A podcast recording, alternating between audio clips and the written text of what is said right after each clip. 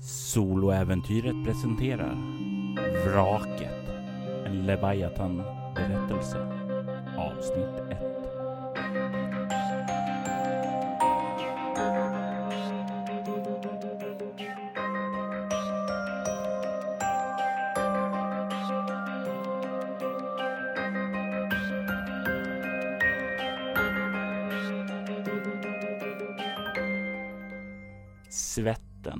Rinner sakta ned för din panna. Hjärtat slår. Utanför källaren så kan du höra explosioner, skrik.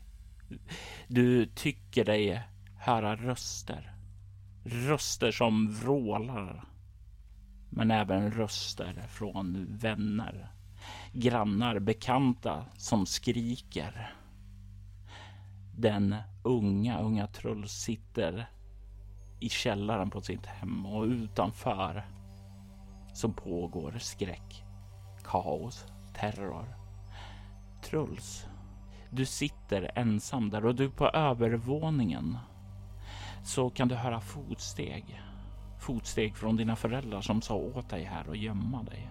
De rör sig snabbt och verkar försöka trycka fram saker framför dörren där. Blockera den. Du kan höra ljudet av dörren som börjar bankas på där.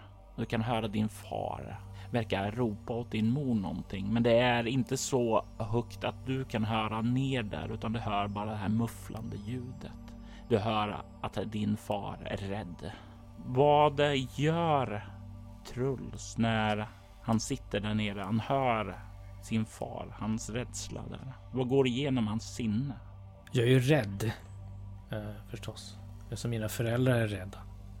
Eh, men jag är också arg. Eh, eh, känner mig maktlös. Eh, jag kan inte göra något. Eh, jag är ju bara ett barn men det tänker inte jag på utan jag, jag vill. Jag vill så gärna. Jag knyter mina nävar. För jag vill blåsa upp den här dörren och bara slå ner de som skrämmer mina föräldrar och de som lägger förödelse över vår stad. Jag springer fram till ett litet fönster och tittar ut. Försöker se vad som händer, men det är smutsigt och det är bara en liten, liten glugg. Jag ser bara fötter och hör kaoset. Du ser hur ett par stövlar stannar utanför det här lilla fönstret du kollar igenom. Kan höra andningen där utifrån någon som är lätt andfådd som har sprungit fram hit. Du kan höra uppifrån hur dörren brakar sönder när någon verkar hugga sig igenom den. Du kan höra hur din far upprört skriker någonting, skriker åt sin fru, åt din mamma att eh, springa och gömma sig. Han vrålar sedan åt dem där ute. Och i nästa ögonblick så hör du ett skott och sen tystnar din far. Du kan höra din mors fotsteg springa därifrån djupare in i huset bort. Och det tystnar där en sekund. Jag kastar mig bort från gluggen och gräver mig nästan djupare in i källaren. Det finns ju mat där, det finns förråd, det finns potatis. Jag gömmer mig desperat bakom så mycket bråte jag bara kan.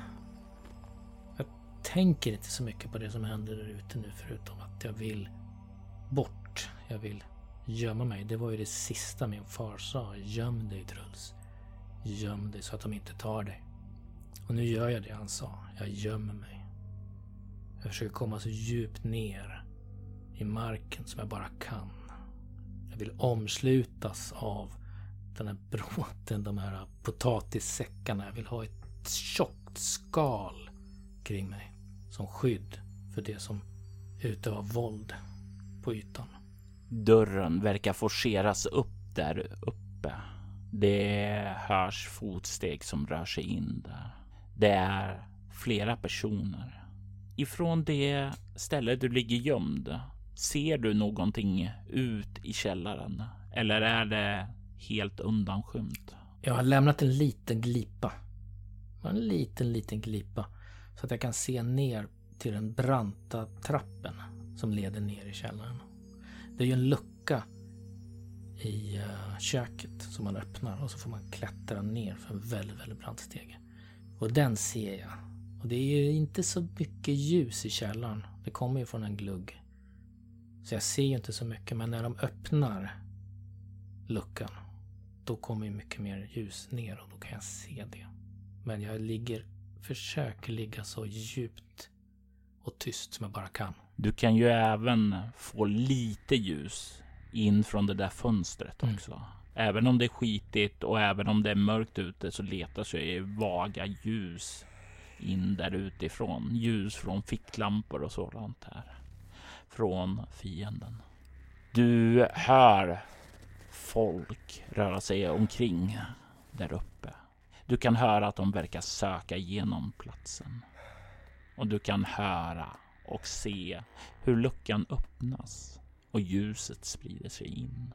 Du kan i nästa ögonblick se din far komma tumlande ned där. Han är nedkastad där.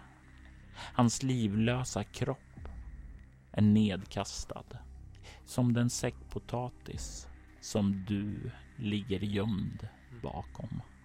Och sen dras luckan igen. Din far ligger livlös där och hans öppna ögon ligger precis i den där lilla käglan av ljus och stirrar rätt in i dina ögon med sin livlösa blick. Jag rusar fram. Jag kastar bort eh, all bråte jag ligger gömd bakom. Eller jag börjar kasta bort all bråte som jag ligger gömd bakom. Sen kommer jag på att de kanske hör mig. Och jag slutar en stund och lyssnar.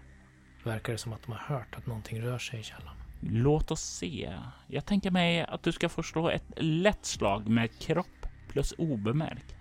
Och eftersom det är den unga Truls som vi är bekant med här så har du minus två på det här slaget. Okej. Okay. Så kropp 5 och obemärkt 3. Och sen minus 2 på det. Då är det 6 plus en tärning. Mm. Jag får etta. Så att jag får ihop sju. Ja, sju får jag ihop, ja precis. Du stelnar till och kan höra hur luckan öppnas. Någon har hört dig. Du ser hur ljuset lyser upp din far återigen och du kan se ett par svarta stövlar börjar kliva ned i källaren. Jag eh, backar längre in. Jag drar min tollekniv, som det heter. Min eh, kniv, min jaktkniv som alla norska barn får när de är unga. Den är vass. Och rätt väl använd. Vi har ju fiskat mycket. Jag tar den och drar kniven och håller den framför mig. Som om det skulle spela någon roll. Som om det skulle vara ett trollspö som kan trycka bort fienden. Men någonting vill jag ha emellan mig och dem. Och det får bli min tollekniv. Ned så kommer det en soldat. En soldat i svart uniform. Hans ansikte är dolt av en mask, en svart stålmask som blänker. Och på den så kan du se en symbol. En symbol i rött. Det ser ut som någon typ av stjärna. Och han stirrar ned över den här källaren. Och hans blick fryser. Du stirrar in i hans ögon. I hans mörkröda ögon som lyser emot dig inifrån masken. Du ser hur de etsar sig in emot dig och han börjar kliva fram emot dig samtidigt som han drar sin kniv. Truls märker det inte själv, men han gråter ju. Och hulkar. Och uh, han är ju smutsig i ansiktet. Hela han är ju smutsig efter bråten. Men han tänker ändå att ja, är det så här det ska vara? Far stod upp mot de här. Då ska inte jag vara sämre. Så jag reser mig upp och rusar emot den här figuren. Rätt säker på att jag ska dö. Du känner hur din eh, framfart plötsligt tar stopp. Hur den här mannen greppar tag med en bastant hand kring din hals. Du försöker hugga honom, viftar med kniven framför dig, men dina armar är för korta för att nå fram till honom. Du ser han stirra ned på dig och du ser in i maskens lysande röda ögon. Du ser den röda stjärnan i ansiktet och du känner i nästa ögonblick hur kniven träffar dig i magen, i bröstet, i buken, i armen, i halsen, i axeln. Hugg efter hugg går in i din kropp du känner blodet rinna ut ifrån din kropp. Du känner din kropp bli allt mer livlösa och i nästa ögonblick så vaknar du i hytten på ditt skepp.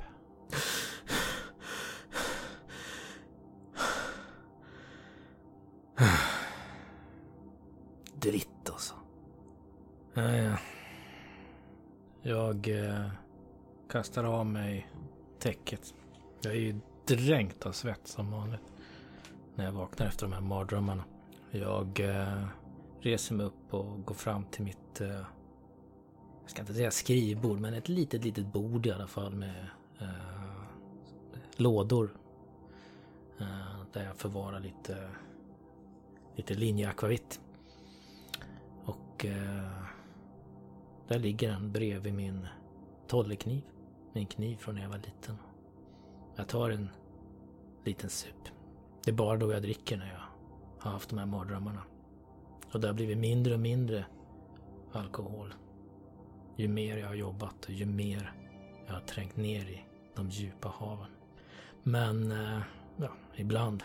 Ibland så minns jag, ibland så drömmer jag fortfarande. Och drömmarna är ju ett eko av det förflutna. Din far och mor, de dog ju aldrig i det där. Men i drömmarna så dör de nästan alltid. Och drömmar är ju lustiga på så sätt. Alltså, att de tar flera olika delar ur ens liv och formar en egen, en ny upplevelse. Dina föräldrar är ju döda sedan länge. Det är ju över 30 år sedan de här intensiva händelserna under terrorns år var. Och sedan den var så har det ju varit med om en omvälvande tid till då det mahariska kriget bröt ut och mänskligheten gick ned i exil i havet. De här mardrömmarna kommer och går, men nästan alltid så är det samma sak. Det är den här mannen, den här soldaten det är ingen som du träffade då, men det är ändå någonting som har fastnat. Kanske var det någon nyhetssändning som det blandades in i. Kanske var det någon film du såg han i som du inte borde ha sett när du var liten och det har letat sig in. Men han är alltid där och hemsöker dina mardrömmar. Dina minnen från den tiden då var du var liten och rädd. Men du är inte den rädda lilla pojken idag. Du har skapat ett liv och du befinner dig ombord på ett skepp. Vad arbetar Truls med idag? Truls är ju kapten på Cello 27. Kapten är väl kanske att ta i. Han har bara två personer under sig men eh, de kallar honom kapten och officiellt i papperna står det ju att han är kapten. Vi eh, fraktar mest varor mellan olika baser. Vi eh, letar efter saker som har försvunnit. Skepp som försvinner, personer som försvinner. Jag lever mitt liv så djupt jag kan komma ner i haven. Så långt borta från alla andra som möjligt. Förutom för eh, Erling och Solveig som är min besättning kan man ju säga. Men de är ju för mig mer en besättning. De är ju familj. Jag har ju ingen familj längre. Förutom Erling och Solveig. Och vi har varit tillsammans här på skeppet väldigt länge. Så vi reser omkring. Vi uh, försöker hitta uppdrag. Vi uh, lever hela vårt liv på skeppet.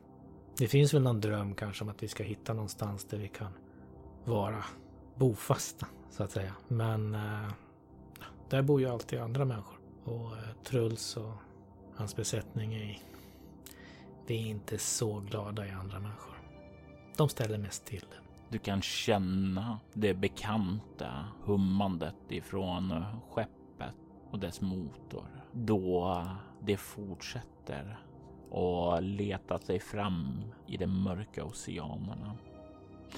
Ni är på väg norrut mot Polaris, den första kupolstaden som byggdes. Det som en gång i tiden var den ledstjärna som alla andra strävade efter att bli. Men som sedan länge har blivit omsprungen och mer är en relik och idag är mer eller mindre ett laglöst samhälle för smugglare, pirater och sådant. Sådant som kan tänka sig att göra pengar och kanske inte helt lagliga sätt. Men det är en viktig plats för handel och ni har fått en last att ta dit. Och det är någon vecka bort från den plats ni är nu. Vad är det för last ni har plockat upp? Är det en eh, last som är olaglig eller är det en eh, last som är laglig? Det är en laglig last. Men eh, var den kommer ifrån, det är tveksamt. Så att om man bara tittar på vad som är i lasten så har man ju ingenting att invända emot. Men om man skulle försöka tänka vem som har fått tag på lasten först och var den fick tag på den. Mm.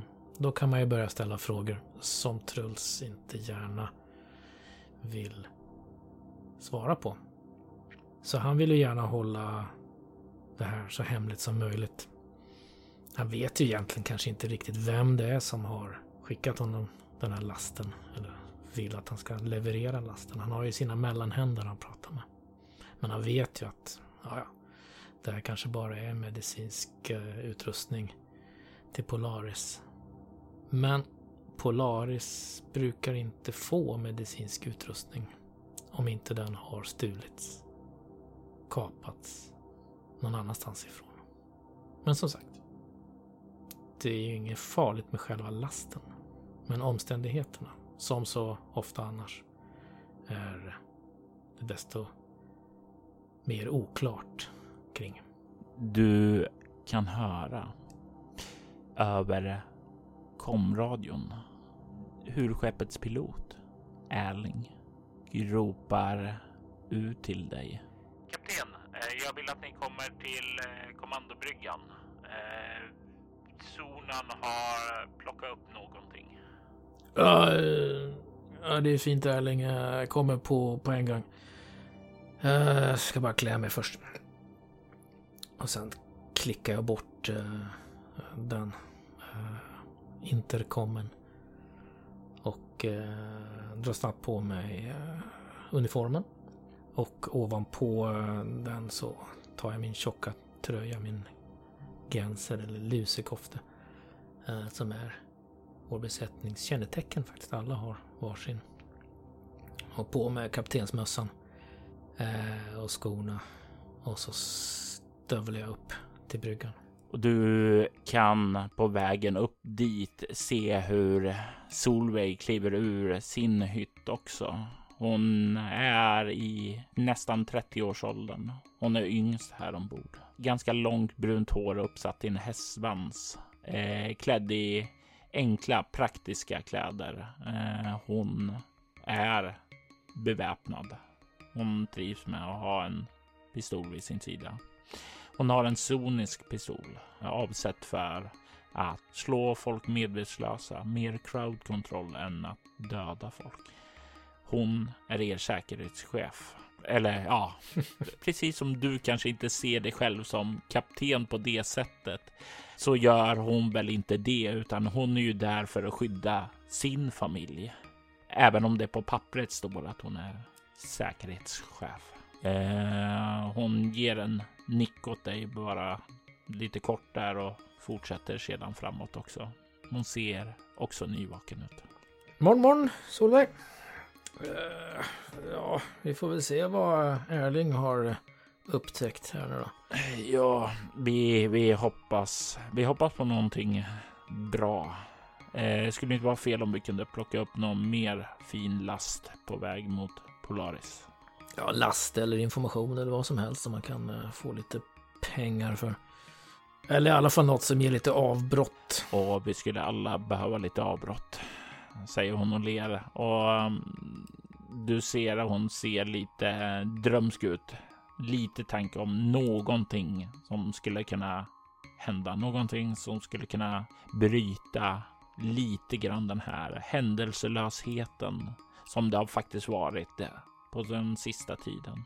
Vilket i dina ögon kanske är tacknämligt för då brukar det inte vara några stora risker.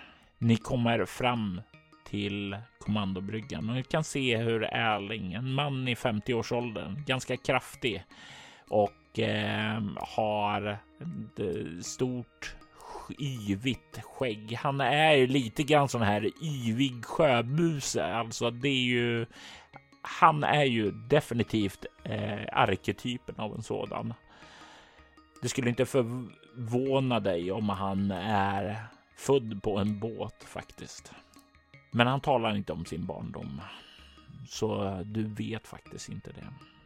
Han kollar mot er när ni kliver in och ger en nick. Eh, god morgon kapten. God morgon eh, Solveig. Vi har fått utslag på zonen här. Hur eh, långt bort är det? Ett klick. Har du någon eh, aning om vad det är för storlek på det? Det är en Chilonian Shuttle, precis som våran. Eh, mm. Grejen är att den ligger död i vattnet. Mm. Jag kan se att den eh, verkar ha igång livs eh, uppehållande system där, men eh, den ligger död i vattnet och är avslagen i de mesta andra. Det spåras det kan inte spårat någon form av identitet därifrån vilka de tillhör eller sådant, eh, vilket får mig att tro att det är en privat eh, fartyg. Mm. Ja, ta oss närmare så ska vi se vad vi kan göra åt det här. Om det är någon som vi kan rädda så har vi chans på lite betalning för det. Och, uh, man får väl hoppas att de inte har eh, dött där inne i sin, sitt skepp. Du kan se hur Erling nickar och börjar gör, börjar ta tag i spakarna för att ta er närmare och eh, du kan se hur Solveig kollar på dig och säger ska jag gå och göra redo eh, lastutrymmet där. Eh, om vi behöver borda det så vill jag gärna att vi har förberett det. Gör ordning eh, det och se till att eh, alla dina vapen och allt sånt här är redo skick. Eh, tillfälle de skulle motsätta sig. Eh, man vet ju aldrig, folk kan bli lite rädda när de tror att vi är pirater eller någonting sånt där. Hon nickar och börjar kliva därifrån för att göra sig redo. Erling? Ja? Vad, eh, vad tror du? Jag kan inte se att det är skadat på något sätt, vilket gör att jag tror vi skulle kunna utesluta att pirater har orsakat det här. Vilket innebär också att vi faktiskt kanske kan hitta någonting där på. Hade det varit pirater hade de antagligen varit döda och plundrade sedan länge. Jo, det har du rätt i. Det var smart tänkt. Um, är vi... Uh Tog vi den här genvägen som vi pratade om eller är vi fortfarande på eh, de etablerade rutterna? Vi är på genvägen. Eh, så det ligger utanför de eh, öppna farlederna där. Vi ligger lite off där, så den måste antingen ha kommit ur kurs eller varit tillräckligt duktiga på att skåda på sjökartorna var det finns genvägar. Mm. Eller så ville de också undvika allt för mycket trafik runt omkring sig. Mm. Ja. ja, ja, vi kan ju inte lämna dem som det är. Vi måste ju ta oss närmare.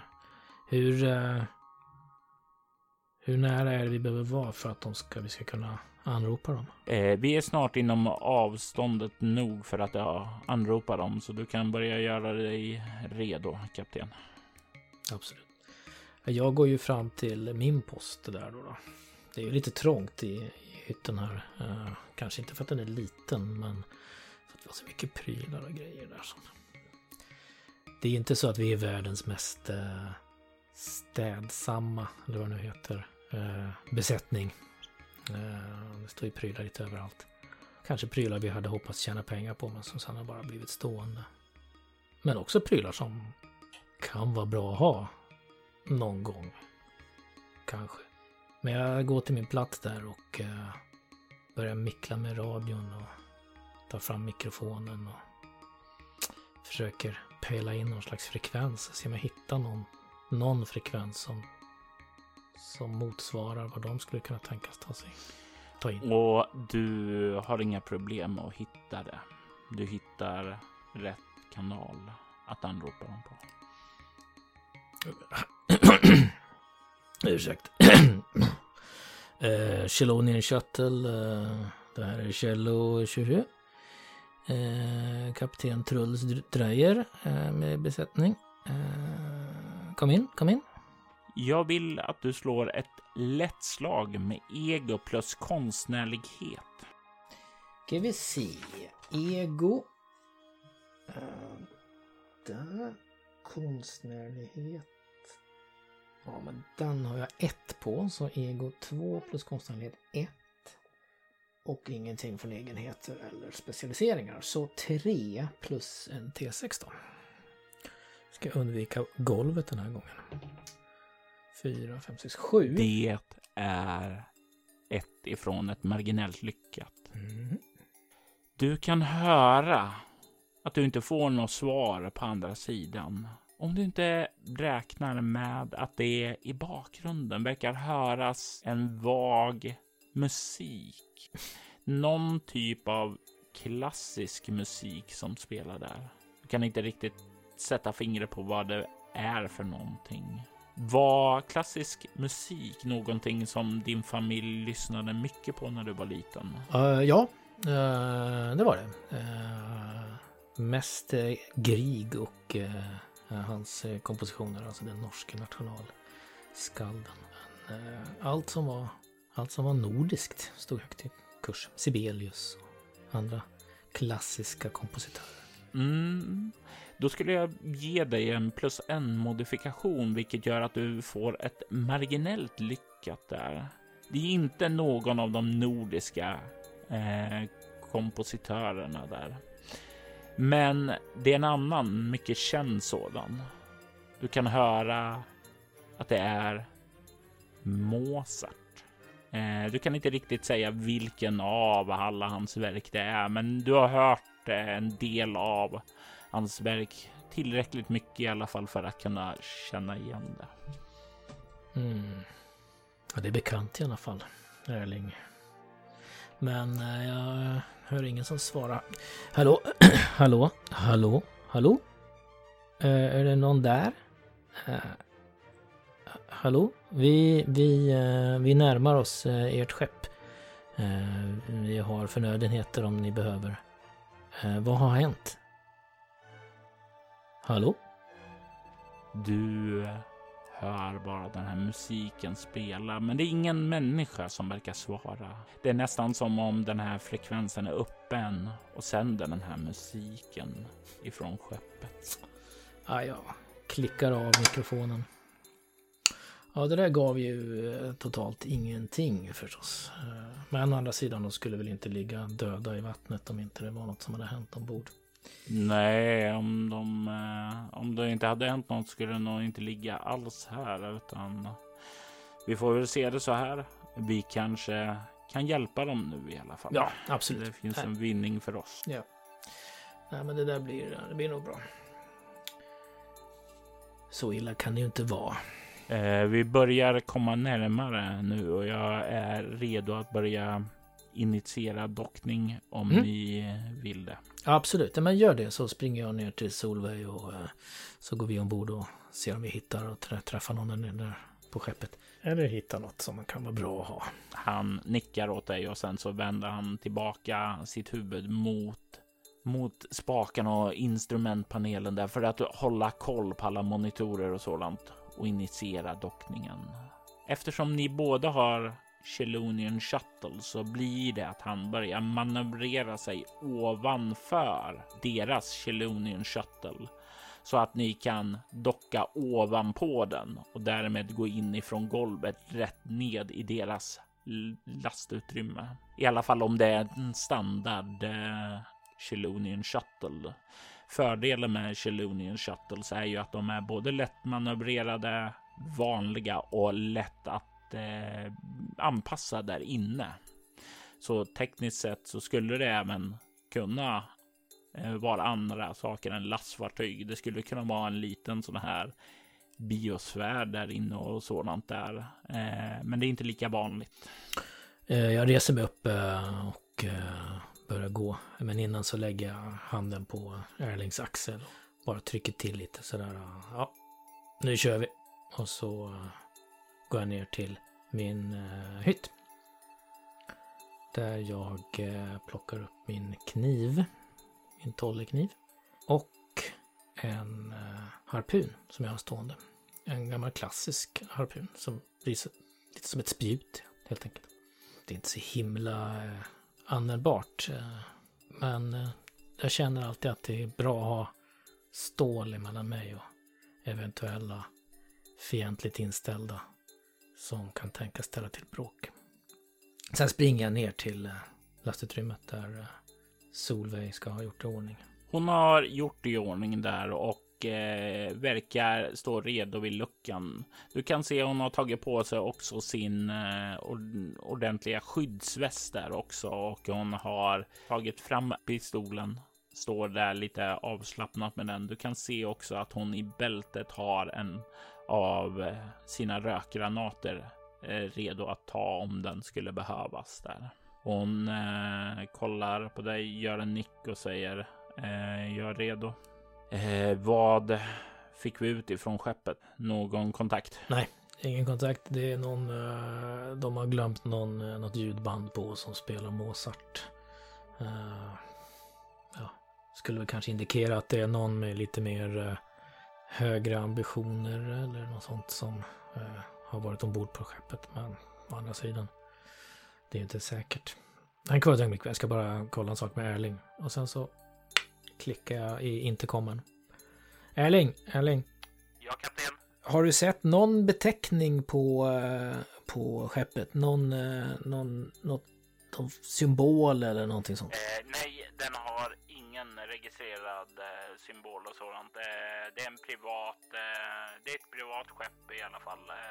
Kan inte hitta någon form av identifikation eller sådant där. Skulle kunna innebära att den är skadad där. Ni kan komma åt den ifrån kommandobryggan skulle jag tro om ni tar er in. Topp! Eh, vi går in nu. Jag hör av mig om det är något. Han eh, klickar bort dig. Och då är det en eh, spelarfråga till spelledaren. Mm. Eh, när vi rör oss bort från skeppet eh, har vi med oss eh, radio så vi kan prata med Erling?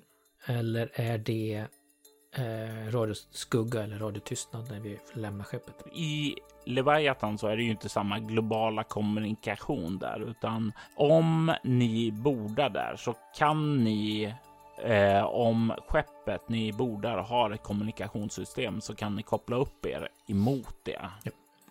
Eh, och eh, det eh, kan det är ju upp till er där och välja om ni ska ha radiotystnad eller om ni ska ha kommunikation däremellan. Det är ju helt till vad du önskar. Eh, då så, Solveig. Så tar jag tag i luckan. Jag väntar ju förstås tills uh, Erling säger att nu är allt klart. Nu är det läge. Och det hör ju han har liksom positionerat sig över. Du hör det här. Eh, att det sätter fram den här ventilen som fäster ovanpå där och hur det eh, tryckutjämnas och liksom tums på vattnen. Ni är redo att ducka nu kapten? Tack, tack. Eh, då kör vi. Och sen så tar jag luckan och eh, vrider på ratthandtaget som finns där för att eh, låsa upp och för att öppna våra ventiler och våra täta skott och gud vet allt som kan göras med det där. Solveig får stå beredd. och när jag har gjort luckan, öppnat luckans låsmekanismer så att jag kan öppna luckan så drar jag upp den helt enkelt. Hon, Solveig, står ju där redo för att täcka dig när du drar upp luckan. Ni båda kan se ned i ett vanligt lastutrymme. Ni kan se en del lårar och sådant som står där nere. Kan också se att det går på sån här varselbelysning, alltså det ljuset som går igång när endast nödsystemen är igång. Och det är en annan sak som ni lägger märke till här. Det är den här klassiska musiken som kan höras där inifrån. Det verkar komma längre in i skeppet ifrån, men det ekar ut det tydligare än nu än det var tidigare över radion. Du kan se hur eh, Solveig stirrar ned snabbt och säger sedan eh, klart. Okej, vi, eh, vi måste ha lyktor för att se, se och lysa där nere. Jag ska hämta dem, vänta ett ögonblick. Så springer jag iväg eh, och hämtar två stycken lyktor. De ser ut som stormlyktor ungefär fast det, det är inte fotogen som driver dem. Eh, mm. Men bara så att vi har att lysa upp.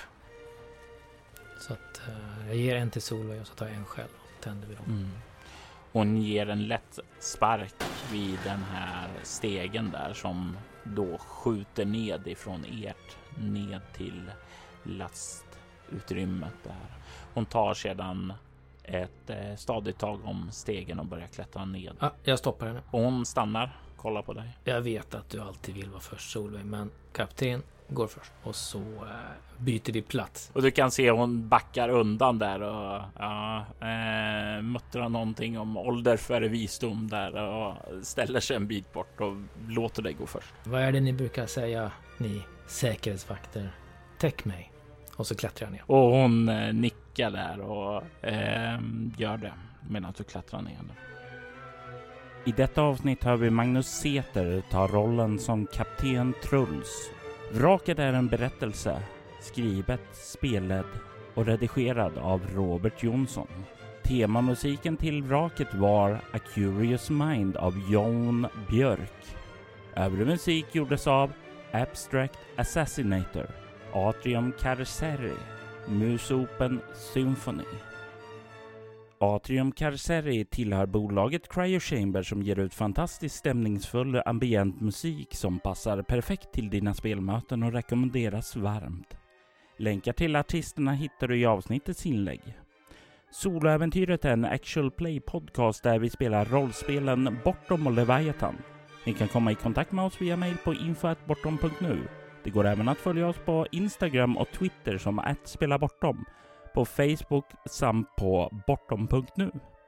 Söker du efter fler poddar i liknande stil så rekommenderar vi Altors vidder och Valery Chronicles. I Altors vidder spelar du i gamla traditionella rollspelet Drakar och Demoner i världen Altor och i Valery Chronicles så följer vi en nybliven vampyr på sina nya äventyr i World of Darkness. Vill du stödja Roberts fortsatta kreativa skapande kan du göra det på patreon.com snedstreck Robert Jonsson. De som backar får tillgång till material i form av extra poddar som till exempel Mutant Nova, en rollspelspodd där vi just nu spelar nya MUTANT. Jag är Robert Jonsson. Tack för att du har lyssnat. Vi vill ta tillfället i akt att tacka, hylla och hedra våra Patreon-backare. Ty Nilsson, Daniel Pettersson, Daniel Lantz och Morgan Kullberg. Ert stöd är djupt uppskattat. Tack!